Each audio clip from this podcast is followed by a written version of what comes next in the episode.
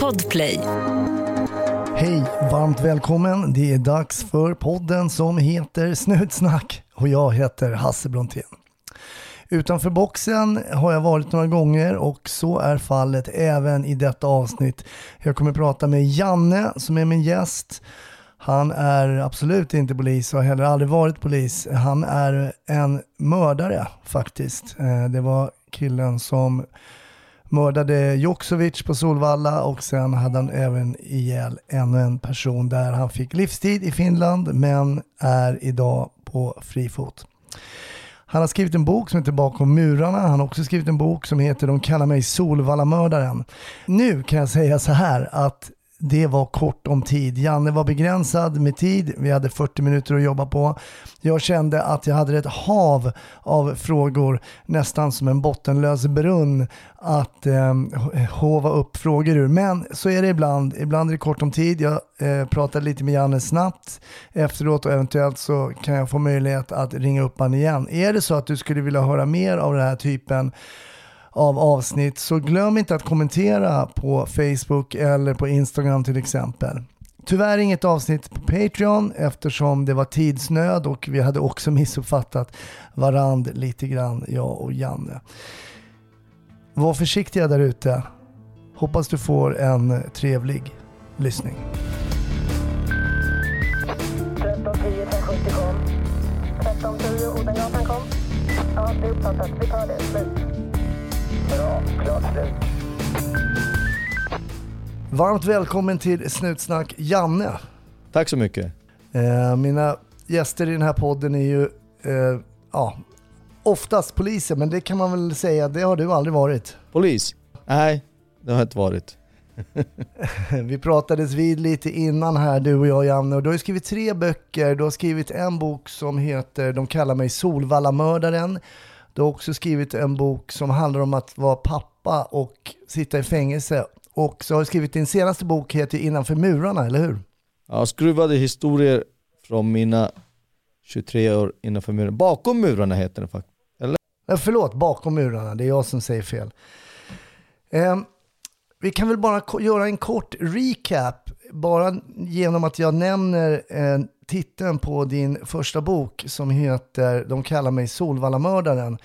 Så är det så att du kallas ju det av en speciell anledning, eller hur?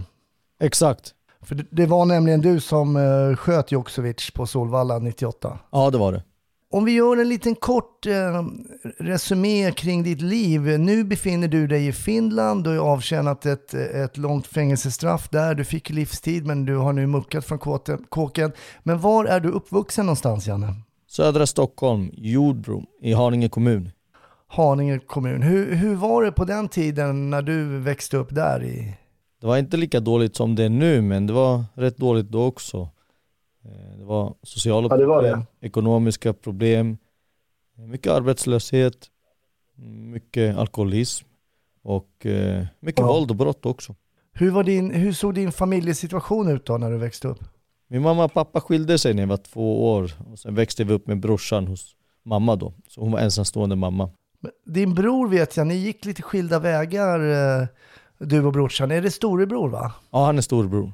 För han valde inte en kriminell bana, men du kom in på eh, den kriminella banan. Hur, hur kan det komma sig att man går så skilda vägar då, om man är brorsor och växer upp tillsammans? Vad tror du? Eh, det har mycket med personlighet att göra och sen mycket med umgängeskrets och sen är han ju några år äldre än mig så man kan ju nästan säga att han är en generation äldre än mig. Och, eh, så hur många år äldre är han? Han är bara fyra år dock äldre än mig men eh, Ja. det kan eh, hända mycket i förorterna på fyra år. Det kan förändras väldigt mycket. Så sånt som absolut. såg bra ut eh, när han var eh, i 15-16 års åldern kanske inte såg så bra ut längre när jag var i 15-16 års åldern. Och sen har vi ju gått igenom olika saker också. Jag har ju sett saker som han inte har sett som har satt sig i mig och som vad heter det, påverkar mig än idag.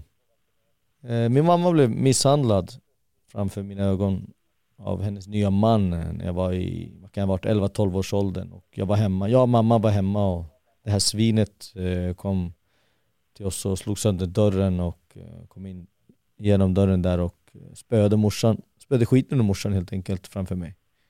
Så Och hur, hur gammal var du då? 11-12 års åldern. Vad, vad, vad satte det för spår i dig då som eh, 11-åring? Och se sin egen mamma bli grovt misshandlad? Det var ju hemskt. Och eh, när jag sa tidigare att det eh, påverkar mig än idag så jag har ju gått mycket i terapi i fängelset och eh, diskuterat den här händelsen. Och eh, då har vi kommit mycket underfund med det att när jag var ung och då vid 11 års åldern och inte kunde hjälpa min mamma så jag har känt den här samma känslan när jag varit äldre sen. Och eh, jag har inte vetat vad det har berott på det här illamåendet. Och när jag hamnat i samma situation känslomässigt så, ta, så tar de här traumorna, traumorna mig tillbaka till den händelsen.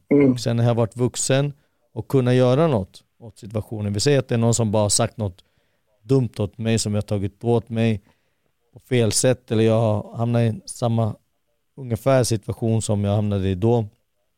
Så då kunde jag inte göra någonting men sen som vuxen människa så kan jag göra någonting och då har det gått överstyr. Okej. Så jag har, vad heter det, spö på någon eller huggit någon eller gjort ännu värre saker. Eh, mycket på grund av Ja, det. för, för jag tänker, det finns ju många människor som tyvärr har sett sin mamma bli slagen och sådär, men man kanske inte går och, och mördar någon sen i framtiden. Det måste väl ändå vara andra saker också som påverkar att det ena leder till det andra så att säga. Absolut, morden har ju inte inträffat på grund av eh, det jag har sett. Morden var ju planerade och morden, morden var ju, eh, vad heter det, jag var i nyktert tillstånd, jag hade tagit eller druckit någonting. Så vad heter det, den där händelsen har inte direkt med morden att göra men det har blivit dömd för, jag har blivit dömd för andra våldsbrott också. Så när jag är på fyllan inte kunna hantera de här känslorna som har väckts i mig. Utan jag har velat hämnas på den personen som, har, som jag ansett har gjort orätt mot mig. Då har jag hämnats och då har jag hämnats eh, på den här personen. Men känslomässigt har jag också hämnats på den personen som spöade min morsa när jag var ung och inte kunde hämnas då, och inte kunde hjälpa henne då. Men morden har ju självklart eh, varit planerade och eh, det har haft eh, andra motiv än det här. Men det är ju inte bara så att heller att man går och väljer och gör ett mord. Det är massa saker som spelar in, in i barndomen. Det är fattigdom, det är utanförskap, det är missbruk, det är dåligt självförtroende, dålig självkänsla, massa massa saker som vad heter har spelat in och sen eh, eh, jag började göra småbrott och fortsatte då eskalerade och jag var duktig på att göra brott så man fick ju bara mer och mer tips och man blev bara mer och mer inbjuden i den där världen när man kunde sin sak så att säga och kunde hålla käften inte eh, golade på sina medbrottslingar. Men jag, jag tänker det här mordet på Joksovic, var det ett case där du liksom inte kunde säga nej? Det är klart man kan säga nej, det fattar jag också. Men Eh, det finns ju också vissa regler, oskrivna regler bland eh, kriminella där man kommer i ett läge och kanske måste utföra vissa saker av olika anledningar. Eh, kom du i ett sånt läge där då? Ja, jag skulle kunna säga att vi kom i ett sånt läge, vi som var med och utförde det. Det var antingen att vi tar livet av motparten eller motparten tar livet av oss. Så jag menar, det är inte så att man bara säger nej men det är lugnt, nu hoppar jag av det här och nu går jag vad heter det, jobbar någon annanstans helt enkelt. Nej. Välkommen till Momang, ett nytt smidigare casino från Svenska Spel, Sport och Casino där du enkelt kan spela hur lite du vill. Idag har vi en stjärna från spelet Starburst här som ska berätta hur smidigt det är. Jaha, så smidigt alltså. Momang, för dig över 18 år. Stödlinjen.se. Men jag, som jag kommer ihåg, du vart väl gripen direkt på Solvalla, Solvalla eller hur? Ja, Var det en eh, planerad gärning att bli gripen direkt? ja visst. Det var det. Och eh, tanken var ju att vad heter det, det skulle leda till kortare straff genom att eh, jag, skulle, jag, jag drog på här offerrollen som eh, jag skäms Ja. för. Jag skäms för ännu mer för själva gärningen. Jag skäms självklart för att jag drog på mig någon offerroll. Och, eh, men det var planerat så att jag skulle få mindre straff. För du var väl också eh, rätt ung då när det här skedde? 20-åringar. Vi ska egentligen inte prata så mycket om, om, eh, om det här och jag menar, är man nyfiken på det här ärendet mer så kan man ju läsa din bok då, som heter De kallar mig Solvalla-mördaren. Men det blev också ett mord till på faktiskt en barndomsvän till dig själv eh, som du blev dömd till livstids fängelse för, eller hur? Ja, det stämmer. Och det var i Finland. Ja, det stämmer. Men nu är du ju ute, du är en fri man. Hur kommer det sig? Du fick ju livstidsfängelse. Man har ju hört att finnarna ska vara lite tuffare än, än svenskar när det kommer till fängelser och så vidare. Men du är ute. Hur gick det till? Jag sök, man söker genom hovrätten att man ska få tidsbestämt, eller det är inte exakt som i Sverige men eh, nästan likadant. Så man söker, lämnar in en ansökan om att få tidsbestämt och jag fick tidsbestämt och nu har jag muckat helt enkelt. 17 år satt jag. Nu har du skrivit den här boken Bakom murarna och varför skrev du den boken? Eh, jag skrev den på kåken mest som tidsfördriv i slutet av voltan där och eh, jag vill även eh, lyfta upp det tragikomiska så att säga på kåken att eh, hur mörkt det än är så måste man se lite ljus. Så vill jag berätta hur det funkar och hur det ser ut eh, på kåkarna. Vad är det vi människor som inte har suttit på kåken eh, inte vet om? Vi, berätta, vad, i den här boken så händer det ju grejer, eh, det smugglas in prylar och man gömmer saker och sådär. Kan du dra några sådana här eh, anekdoter i boken som visar saker som inte vi riktigt kan fatta, som inte har suttit där? Eh, det händer mycket roligt, mycket tragiskt, mycket, allt möjligt alltså. Det, och det är mycket olika personligheter på kåken så det är väl de jag lyfter upp rätt mycket. Och så som du sa, smuggla in saker. Man, man har ju hela dagen på sig att planera på hur man ska få in saker, antingen mobiltelefoner, datorer eller de som använder droger, hur de ska få in droger och sånt. Mm. Det är mycket sånt jag lyfter upp där. Men eh, vad är det du avslöjar? Avslöjar du några knep här i boken? Ja, jag avslöjar, men de, de hålen har väl täppts till så det kanske, jag kan, kan, kan väl dra en. Eh, det var så att fortfarande för några år sedan här i Finland så om man vill ha en egen tv eller egen eh, bandspelare eller något sånt här i sin cell så var man tvungen att beställa den antingen genom kåken eller så kom någon annan och lämnade in den till centralvakten. Mm. Och eh, så var man tvungen att betala till, jag tror det var 150 kronor för att en elektriker ska öppna den och kolla. Så de undersöker så att det inte finns någonting olovligt där. Mm. Och eh, vi kom på ett sätt att eh, om killen som det lämnas in till om han säger nej jag vill inte att det ska undersökas för jag har för lite pengar på kontot nu så ta det senare. Då lägger de in den i hans förråd.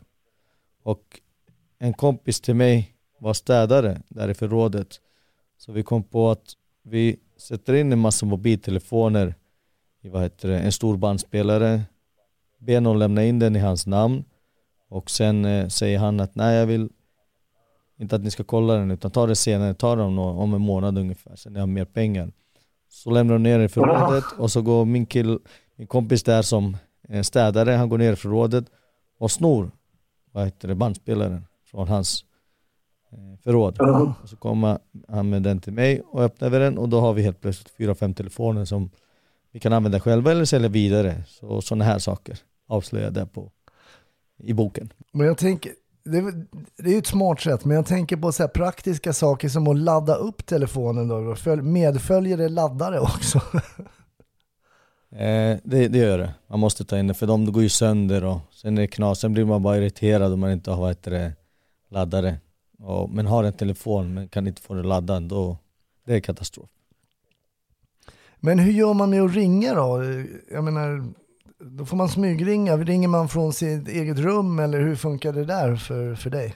Ingen eller, men man måste vara försiktig med det också för plitarna går ju runt i korridorerna på kvällarna. Så du kan inte snitt, ja. snacka i din cell för då märker de ju. Så ibland fick man snacka på kvällarna, ibland fick man snacka på dagarna. Man var tvungen att kolla när de går sina runder helt enkelt.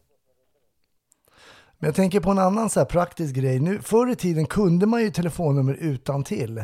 Eh, men nu skulle jag inte kunna ringa typ ens tio pers i min eh, bekantskapskrets. För jag slår ju bara in deras namn liksom. Men då var man ju tvungen att skriva ner folks nummer då, så att man överhuvudtaget kan kontakta dem sen.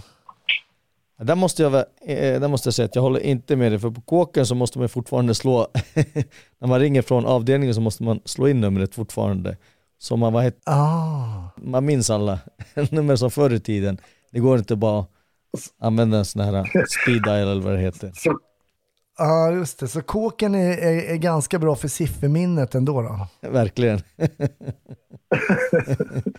man lever på Ja, den, kåkan alltså, det är ju ingen, man har inte tillgång till dator och, och vad heter det, men hur har den här tiden på, på kåken liksom förändrat dig då? Du har ju suttit väldigt länge. Hur många år är det sammanlagt som du har suttit i fängelse? eh, drygt 23 år. Hur har det förändrat dig som person? Jag har ju vu- vuxit upp, och, alltså jag har blivit äldre på kåken, jag blev pappa på kåken och när jag satt inne så det var det som ändrade mig mest. Men eh, visst, alltså jag, jag är en helt annan person än jag var tidigare. Jag har ändrat riktning helt och hållet i livet. Så kåken har ändrat Jag mig. tänkte- Eller kåken i sig har inte ändrat mig mycket, men tiden har ändrat mig. Ja, jag fattar. Jag tänkte vi ska prata lite det där om att bli farsa och sådär, men innan dess så kanske vi kan prata lite om att man vet ju hur det går till när man ska bli farsa. Det måste ju ske en form av befruktning där då. Eh, och den, måste, den sker väl på kåken då, eller? Ja, det där vill jag inte gå in på allt för mycket, men det är väl inte svårt att klura ut. Nej, det är inte svårt att klura ut hur, hur det har gått till kanske, men jag tänker den här liksom, det är ju, det är ju ett behov vi har liksom det här, eh, det sexuella liksom, men hur, det ser man ju på filmer och så här, då tappar folk tvålar och, och grejer, men är det så i, i verkligheten också? Nej, filmer, det händer mycket annat på filmer också som inte händer i verkligheten. Så. Absolut, absolut. Vi pratar ju mycket om polisfilmer här, men jag tänkte vi skulle få bekräftat att det kanske är på ett eller annat sätt på kåken också. Men de här besöken då, eh, som man får, eh, kan man få det inställt och sådär? För jag tänker det kan ju vara någonting man verkligen ser fram emot. Eh, om man missköter sig eller sådär, kan man få besök inställda? Det kan man få, absolut. Om man missköter sig så kan man få in- dem indragna, absolut. Men hur har du skött dig på kåken då, generellt? Jag har skött mig bra. Det har jag gjort. Några tabbar gjorde jag, men eh, i det stora hela så skötte jag mig bra. Men visst festade jag ibland och smugglade in telefoner och så ibland och så. Men det är under lång tid, så det är under 17 år. Så, men Men vad, vad händer om, plita, om, plitarna, om plitarna kommer på dig med en mobiltelefon då till exempel, att man blir tagen på bar gärning, vad, vad händer då? Jag torskade ju med en bärbar, jag smugglade in en bärbar dator till mig också där. En laptop som jag, vad heter det, satt och gjorde mycket med. Ja, du fick in en laptop, det var ju starkt jobbat. Hur hur fasen fick du in den då? Det, det håller kanske inte att täppts till ännu så det ska jag inte gå in allt för mycket på men Okej. vad heter det? Men jo alltså det, jag fick in en laptop och eh, där satt jag, då tog de mig på bar gärning. Jag hade haft den i sju månader redan. Så Oj! Ja visst, så vad heter det? Klev de in i cellen, ett gäng plitar och så hittade de den eh, och då fick, eh, fick jag fem dagars isolering och sen fyra dagar på slut, sluten avdelning heter det, stängd avdelning, slu- sluten avdelning tror jag på svenska. Var man sitter 23 timmar om dygnet i sin cell och eh, de fyra månader fick jag ingen besök eller någonting heller så det var straffet. Jag fick att ha en dator. Vad, vad innebär isolering då? Du fick fyra dagar, vad, vad gör man då på isolering? Då sitter man bara i en tom cell och går ut en timme om dagen på promenaden, det är en liten promenadgård. Och så får man in mat tre gånger om dagen. Då kan man gå och duscha en gång om dagen. Men man är helt isolerad från andra. Får inte ringa, får inte träffa någon, och får inte se någon på promenaden heller. Men det är rätt skönt ibland. Hur, hur, alltså det är skönt? Okej. Va, va, ja, skulle kunna ta en helgs isoleringen. Fredag, lördag, söndag så skulle det vara skönt ibland att bara kliva in. Men jag vet inte, jag vet inte hur man får sånt kort straff. Problemet är att jag har tre år i del så om jag går och gör någonting så får jag längre tids isolering. Men om det fanns någon sån här tre dagars volta så skulle jag kanske ta en sån en gång i månaden. Alltså det är så. Jag trodde aldrig att någon skulle tycka att det skulle kunna vara någonting positivt att vara, sitta isolerad. Jo det är skönt att sitta med sina egna tankar och inte behöva, eh, vad heter det, bara vara för sig själv i lugn och ro. Ja. Men inte allt för lång tid. Jag satt ju lång, långa tider isolerad också. Jag satt ju första året med restriktioner. Så det är inte, Mm. och det är inte friskt. Och sen satt jag på bunkern i två olika vänder. Första på åtta månader och andra på nio månader. Så det, det är inte friskt att sitta så långa vänder. Men korta isoleringstider, det flaggar jag verkligen för. Men berätta, 2006 så blev du pappa. Ehm, du berättade att det förändrade, va- varför förändrade det ditt liv och din syn på livet? Jag hade ju kört på innan det kriminella, värld, eller kriminella livet för fullt. Alltså det hade ju till slut eskalerat till två mord. Vilket var helt sjukt. Alltså det, något sånt skulle aldrig fått hända. Och det är en tra tragedi. Alltså. Och, men jag körde på, jag bara stängde av mina känslor under det kriminella livet. Och jag märkte inte hur mycket folk runt omkring mig led. Och att folk dog på grund av mig och att anhöriga aldrig får tillbaka eh, sina anhöriga på grund av mig. Mm. Men det, det var inte det som fick mig att stanna utan det som till slut fick mig att stanna var att eh, när min dotter var vid två års ålder så började hon förstå att jag är aldrig hemma. Och jag är inte hemma på julen, jag är inte hemma på hennes födelsedagar.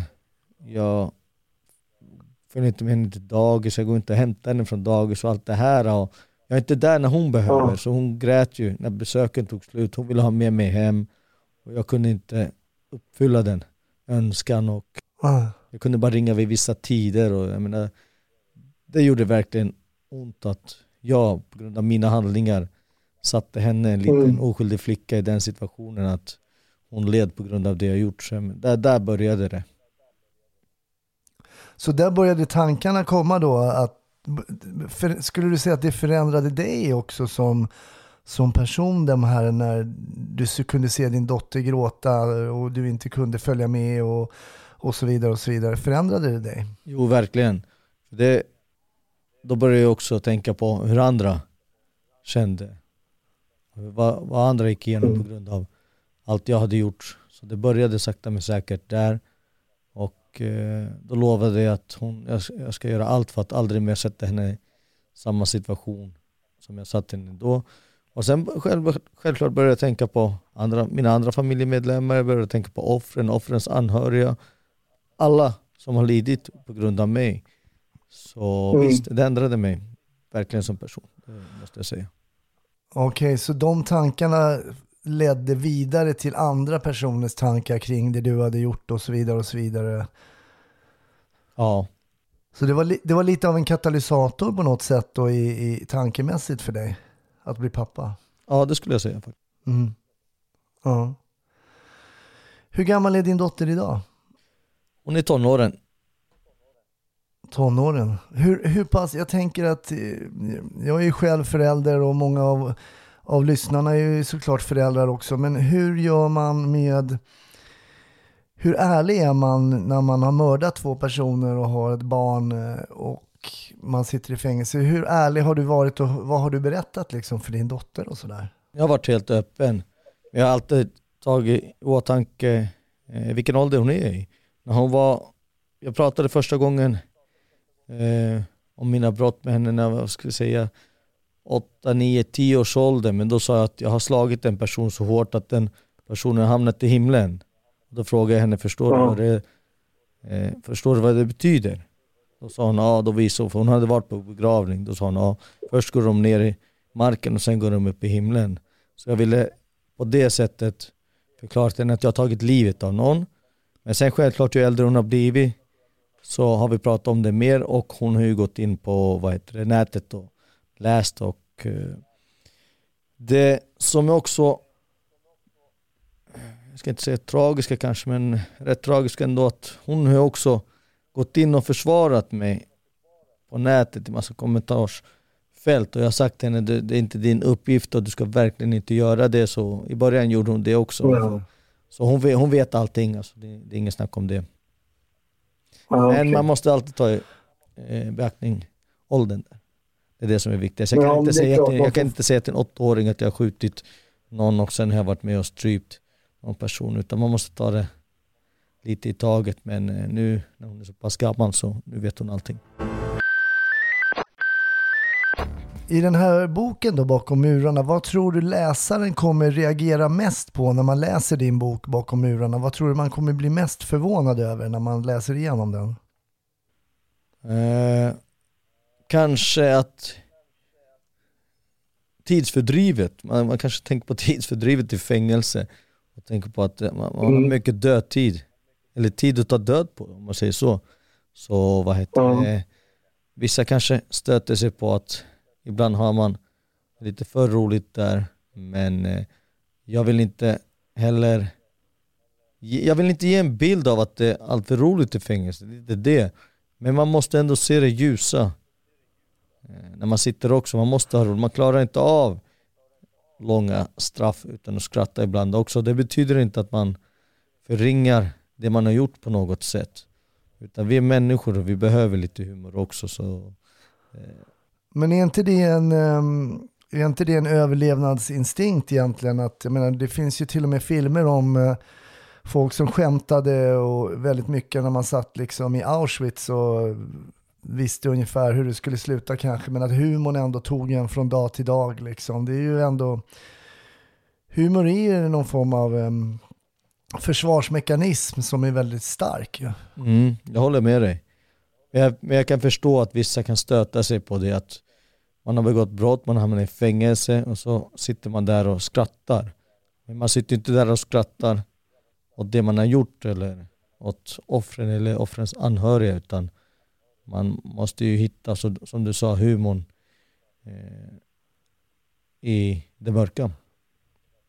Men eh, så jag tror även, vad heter det, många kommer att skratta åt att eh, jag vet inte om det här är rätt att säga, men hur mycket idioter det finns i fängelset också. Precis lika mycket som det finns idioter i samhället också. Jag menar det, och nu trackar jag inte ner på någon, det är inte så jag säger. Eh, Nej, det, nej. det, alltså det finns ju Det finns ju alla möjliga på kåken, det finns alla möjliga Vad heter det Ute också och det är kanske fel att säga idioter om personer men vi säger idiotiska handlingar vad, som, vad de gör på kåken för man gör ju Mm. allt möjligt för att för- fördriva tiden Just det. Så vi, vi får läsa om några korkade idéer och, och, och grejer som händer där också då. Verkligen, det finns för på kåken är det väldigt många som har ADHD och så är det väldigt många som Mm. har dålig självkänsla och dålig självförtroende. Då, får, då vill man eh, då vill man ha gemenskap och då är man beredd att gå jävligt långt för att eh, höra till någon grupp eller få lite, vad heter det, gemenskap hos någon och då Just finns det någon som utnyttjar en på lustiga sätt så att säga. Inte Ah, okej. utnyttjar sexuellt eller något sånt där, det är inte så. Visst finns det också sådana sjuka individer men de är väldigt, väldigt få. Men jag menar, man, okej. man, kan, man kan få folk att göra roliga saker på ett dåligt sätt om man säger så. Jag fattar. Du har ju, du har ju verkat så att säga som kriminell då både i, i Sverige och i Finland. Och jag jag har ju ännu inte haft någon finsk polis eh, som gäst här men kan du se någon skillnad mellan svensk polis och finsk polis? Nej, jag vet inte skillnaden. Jag, jag, har, ju, jag har inte tappat eh, tron på hela polisväsendet. Jag har tappat tron på vissa poliser väldigt mycket. Det var ju en polis som blev dömd till livstid för samma brott nu som jag blev för. Han blev dock friad i Mm. hovrätten nu men den ska upp i högsta domstolen. Det är ju eh, före detta polischefen för Helsingfors narkotikarotel som även blev dömd för att ha smugglat in 800 kilo hasch i Finland. Så han fick 13 år för att ha tagit emot mutor och Oj. narkotikasmuggling, eller grovt narkotikabrott så att säga. Och så fick han livstid för det här mordet för att han hade vetat om det och eh, inte gjort någonting, inte förhindrat det på något sätt. Så han kanske du borde intervjua, där får du en finsk före detta polis i din... Ja, det är bra, det är bra, det är bra, tips, bra tips Janne, det måste jag säga. Det finns ju... Det... Nej, nej men annars ser jag inte, vad heter det, så stor skillnad. Eh, Men eh, kriminaliteten i sig är ju ganska, vad heter det, annorlunda i Finland. Är det annorlunda skulle du säga? Ja, det är råare i Sverige. Alltså det, hur ska jag säga, mer... Du har längre anor om man säger så. Är det dumt att säga så om det? Men du förstår säkert Nej, vad jag men- menar. Det, det, här, här är det inte på Ja. samma nivå som i Sverige. Jag fattar, jag fattar. Det finns ju lagar, skrivna lagar i lagböcker eh, som ju uppenbarligen inte den här polisen följde. Men det finns ju också oskrivna lagar, jag tänker bland kriminella. Där man inte, det är inte nedskrivet på papper och sådär. Men, och det är också, det vet vi också att alla inte följer. Men de här oskrivna reglerna, vilka är de viktigaste bland eh, kriminella när man umgås i kriminella kretsar? Ja, men jag skulle säga om man är kriminell, då ska man ju vara kriminell. Då ska man inte samarbeta med polisen. Och nu pratar jag inte om vanliga hederliga människor som betalar skatt. Nu pratar jag alltså om den kriminella världen. Och det här, jag glorifierar inte eller jag uppmuntrar inte någon eh, att leva på det sättet. Men jag tycker om man åta sig någonting, då ska man hålla sig. Det är precis som polisen. Om du är polis, då ska du vara polis till fullo. Om du är kriminell, då ska du vara kriminell till fullo. Om du är pizzabagare, då ska du vara pizzabagare till fullo. Men eh, sen är det många som tänker också att man har kriminellt tänkande om man tänker att man ska inte gola så att säga, eller man ska inte berätta hemligheter. Men det där tycker jag är mer än inom det kriminella livet. Du ska inte heller berätta dina hemligheter till någon annan. Jag ska inte berätta mina hemligheter till någon annan. Om du har en hemlighet med någon annan, då, det, då, då ska man bara inte säga det. det, det jag tycker det ska grunda, grunda sig på det. Men absolut, inom det kriminella livet ska man inte samarbeta med polisen och man ska inte eh, berätta vad man vet. Man ska inte blåsa varandra, man ska eh, stötta varandra. Det är väl det. Och, Nej, men det man till exempel nu, det har ju varit mycket skjutningar i, i Stockholm, Stockholms förorter och eh, ibland så är det ju, när man läser så är det ju rent dravel vad man har blåst varandra. Det handlar ju inte ens om stora pengar ibland.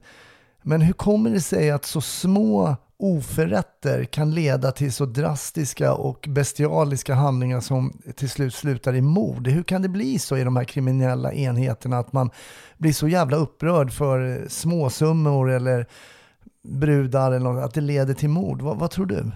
har tyvärr mycket med ego att göra.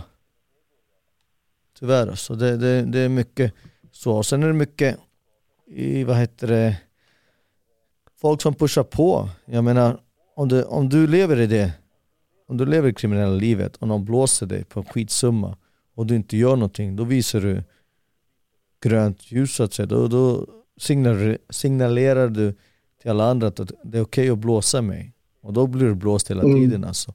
Du måste bara Okej. vad heter det, sätta ner din fot och du måste markera och eh, sen när du inte markerar tydligt nog då vad heter det, får du pressen på dig från alla andra att nej du måste markera tydligt nog för att det inte ska ske på nytt. Och det är då de här överdrifterna kommer. Och jag tycker det är tråkigt att vad heter det, det är så, det ska inte vara så. Det är tragiskt att det händer så mycket, jävla mycket skjutningar och allting. För jag förstår också att våldet har ju ökat i samhället, i Sverige, i förorterna. Och det är jävligt tragiskt för jag vet att de flesta av de här som lever det kriminella livet egentligen inte vill leva det. De har klivit Mm. in där någon gång och så har det eskalerat och eskalerat och eskalerat så sitter de till slut i en situation som de verkligen inte vill och de vill inte leva det livet men till slut så eh, har de bara ett likadant val som jag då hade vid 20-årsåldern. Antingen döda någon eller så blir du dödad själv. Och det, det, det är helt Mm. sjukt och det är tragiskt att det måste gå så långt. Och Men en sak som jag också reagerar... det är inte bara ett val man tar utan det är massa, massa steg som leder dit. Och det är ju Mm. samhället också, det är ju dig själv, det är ju familjen, det är uppväxten, det är så mycket som spelar in. Mm. Nej, jag förstår, det är ett oerhört komplext problem och det ena leder till det andra och så vidare. Men det som jag också har reagerat på, som kanske också många reagerar på, att många av de här som har skjutit varandra i, i Stockholmsområdet känner ju varandra sedan barnsben. Alltså har varit, eh, och jag vet att det andra mordet som du utförde, det var ju på en barndomsvän. Mm.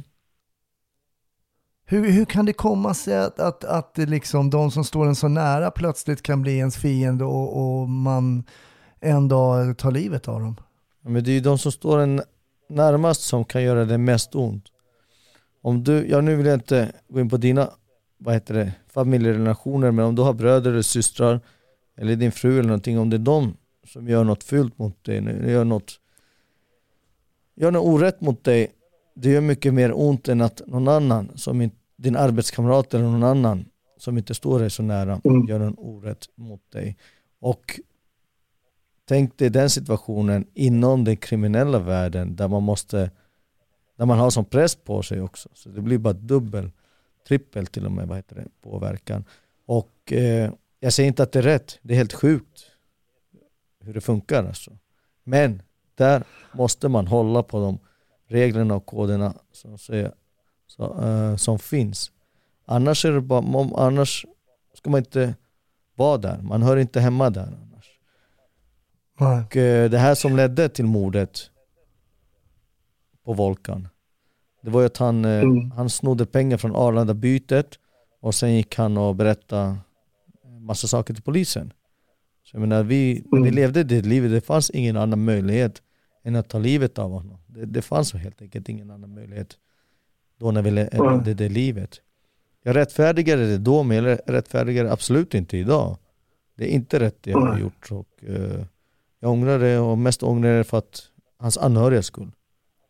Absolut. Mm. Så men eh, jag måste säga att när man lever det livet då måste man bara hålla vid det där. Men så, när du sa att ja, kompisar och sådär, så, då måste jag bara säga att när det är någon som står en nära som gör en fel så gör det ännu mer ont. Än någon. Ja, jag förstår. Tyvärr så har vi lite begränsat med tid idag. Det var lite synd. Man skulle vilja prata med dig i flera timmar. Janne, kanske får jag möjligheten att återkomma. Men jag vill ju givetvis fråga dig hur din framtid, hur ser du på din framtid idag? Kan man komma tillbaka som, eh, som mördare och ändra sig som personlighet och bli en, eh, en bra medborgare igen? Absolut kan man göra det. Det är inte så att nu när jag muckade för ett år sedan så har jag plötsligt lagt ner allting och vad heter det, vänt blad i mitt liv och gått vidare utan den här processen började ju redan som alltså länge sedan, 15 år sedan redan. Sakta men säkert. Och sen startade jag ett företag för åtta år sedan. Och inne på Kåken har jag jobbat. Lind Company, eh, förlaget i Sverige. De har, jag jobbade ju för dem när jag satt inne på Kåken. De, eh, de gav ut ljudböcker i Sverige. Och så ville de börja ge, ut ljudböcker i Finland. Och eh, då tog de kontakt med mig eftersom jag hade redan gett ut min bok hos dem. Så de tog kontakt med mig och frågade om jag kunde scouta böcker här i Finland som ännu inte har getts ut som ljudböcker. Så mm. enligt vissa ramar, eller efter vissa ramar så läste jag böcker och skickade till dem recensioner och sen producerade de antingen ljudböcker av dem eller inte. Och jag menar, på de tre sista åren som jag satt så producerade vi säkert mellan 60 och 70 böcker av dem som jag vad heter det, recenserade. Och efter det Okay. Så vad heter det, när jag kom ut så startade jag ett rage room här i Finland. Det är alltså ett rum man går in i, eller vi har två rum i. Men det är ett ställe man går in i med och slår sönder massa saker med baseballträ. Man slår sönder mikrovågsugnar, tv, kastar glas i okay. väggen och får utlopp för sina aggressioner helt enkelt. Och sen har jag en podcaststudio här i Finland också som jag proddar massa podcast. Så det, det här är inte någonting alltså, det, det är en lång resa men, men man kan göra mm. det. det. Det går alltid att komma tillbaka. Och jag vill även säga, jag vill även uppmuntra de som sitter så djupt skit i skiten som jag satt och visa att det finns alltid en väg ut. Först och främst vill jag säga till alla ungdomar att gå, alltså kliv inte in i den där överhuvudtaget. Det är mycket, mycket bättre att plugga, jobba, leva ett hederligt liv, eh, vara en del av samhället. Det är helt klart alltså. Det, det finns eh, inget snack om det. Men om du nu är på vägen i kriminaliteten och om du nu är djupt i kriminalitet så vill jag även säga till dig, eller till, inte till dig utan de som lyssnar, eh, att det finns alltid en väg ut också. Det gör det. Man ska inte ge upp. Kommer du att hamna i fängelse igen, Janne? Jag ska göra allt som står i min makt för att inte hamna i fängelset. Jag tänker inte begå brott. Verkligen inte. Och då hamnar jag inte i fängelse om jag inte begår brott. Men alltså, jag, jag, kan aldrig lova någonting men jag ska göra mitt bästa alltså för att aldrig mer hamna i fängelse. Jag har lovat min dotter att hon inte ska behöva gå igenom den eh, skiten som hon tyvärr var tvungen att gå igenom när jag satt i fängelse. Så mitt svar är inte nej till dig men mitt svar är att jag ska göra allt eh, som står i makt för att mm. inte hamna i fängelse igen. Jag brukar alltid runda av den här podden med att fråga mina, oftast då poliser, eh, om, om de kollar på polisfilmer. Eh, jag vet inte jag vet inte hur det är på kåken, men eh, kollar ni några polisfilmer där? Jag vet inte, man kollar ju rätt jävligt mycket på, vad heter det, tv där. Så, men ja. nej, polisfilmer kom väl inte så mycket. Det, vad som kom på tv var det man kollade på. Ja. Men jag, lä, jag läste mycket och vad heter det, jobbade mycket, pluggade mycket. Jag har pluggat jävligt mycket under kåken så jag hade inte tid med att kolla på tv faktiskt. Men då, som du berättar så har du ju läst mycket böcker. Är det någon bok du skulle kunna rekommendera, förutom dina egna då såklart, till eh, lyssnarna som du tycker är, är bra? Min sambo har ju skrivit ett par böcker men de är på finska så jag tänkte rekommendera. Ja, det är, det är svårt. Men... det är bara våra finska lyssnare som kan, som kan läsa. Eh, jag, jag vet inte om den heter på svenska men 48 Laws of Power, Robert E. Green. Eh, jag vet inte vad den heter okay. på svenska men den är en jävligt intressant bok. Eh, vad handlar den om? Det är 48 olika lagar om eh, makt. 48 Laws of Power.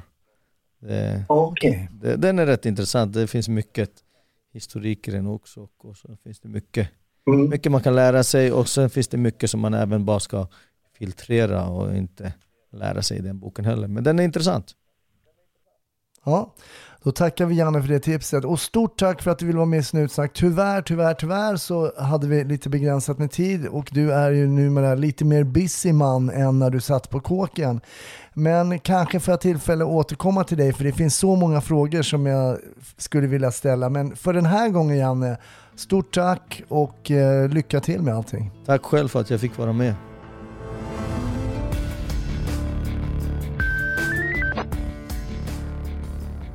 Ja, det är slut det här avsnittet med Janne, men det kommer ett nytt avsnitt i nästa vecka och jag hoppas att du lyssnar även på det.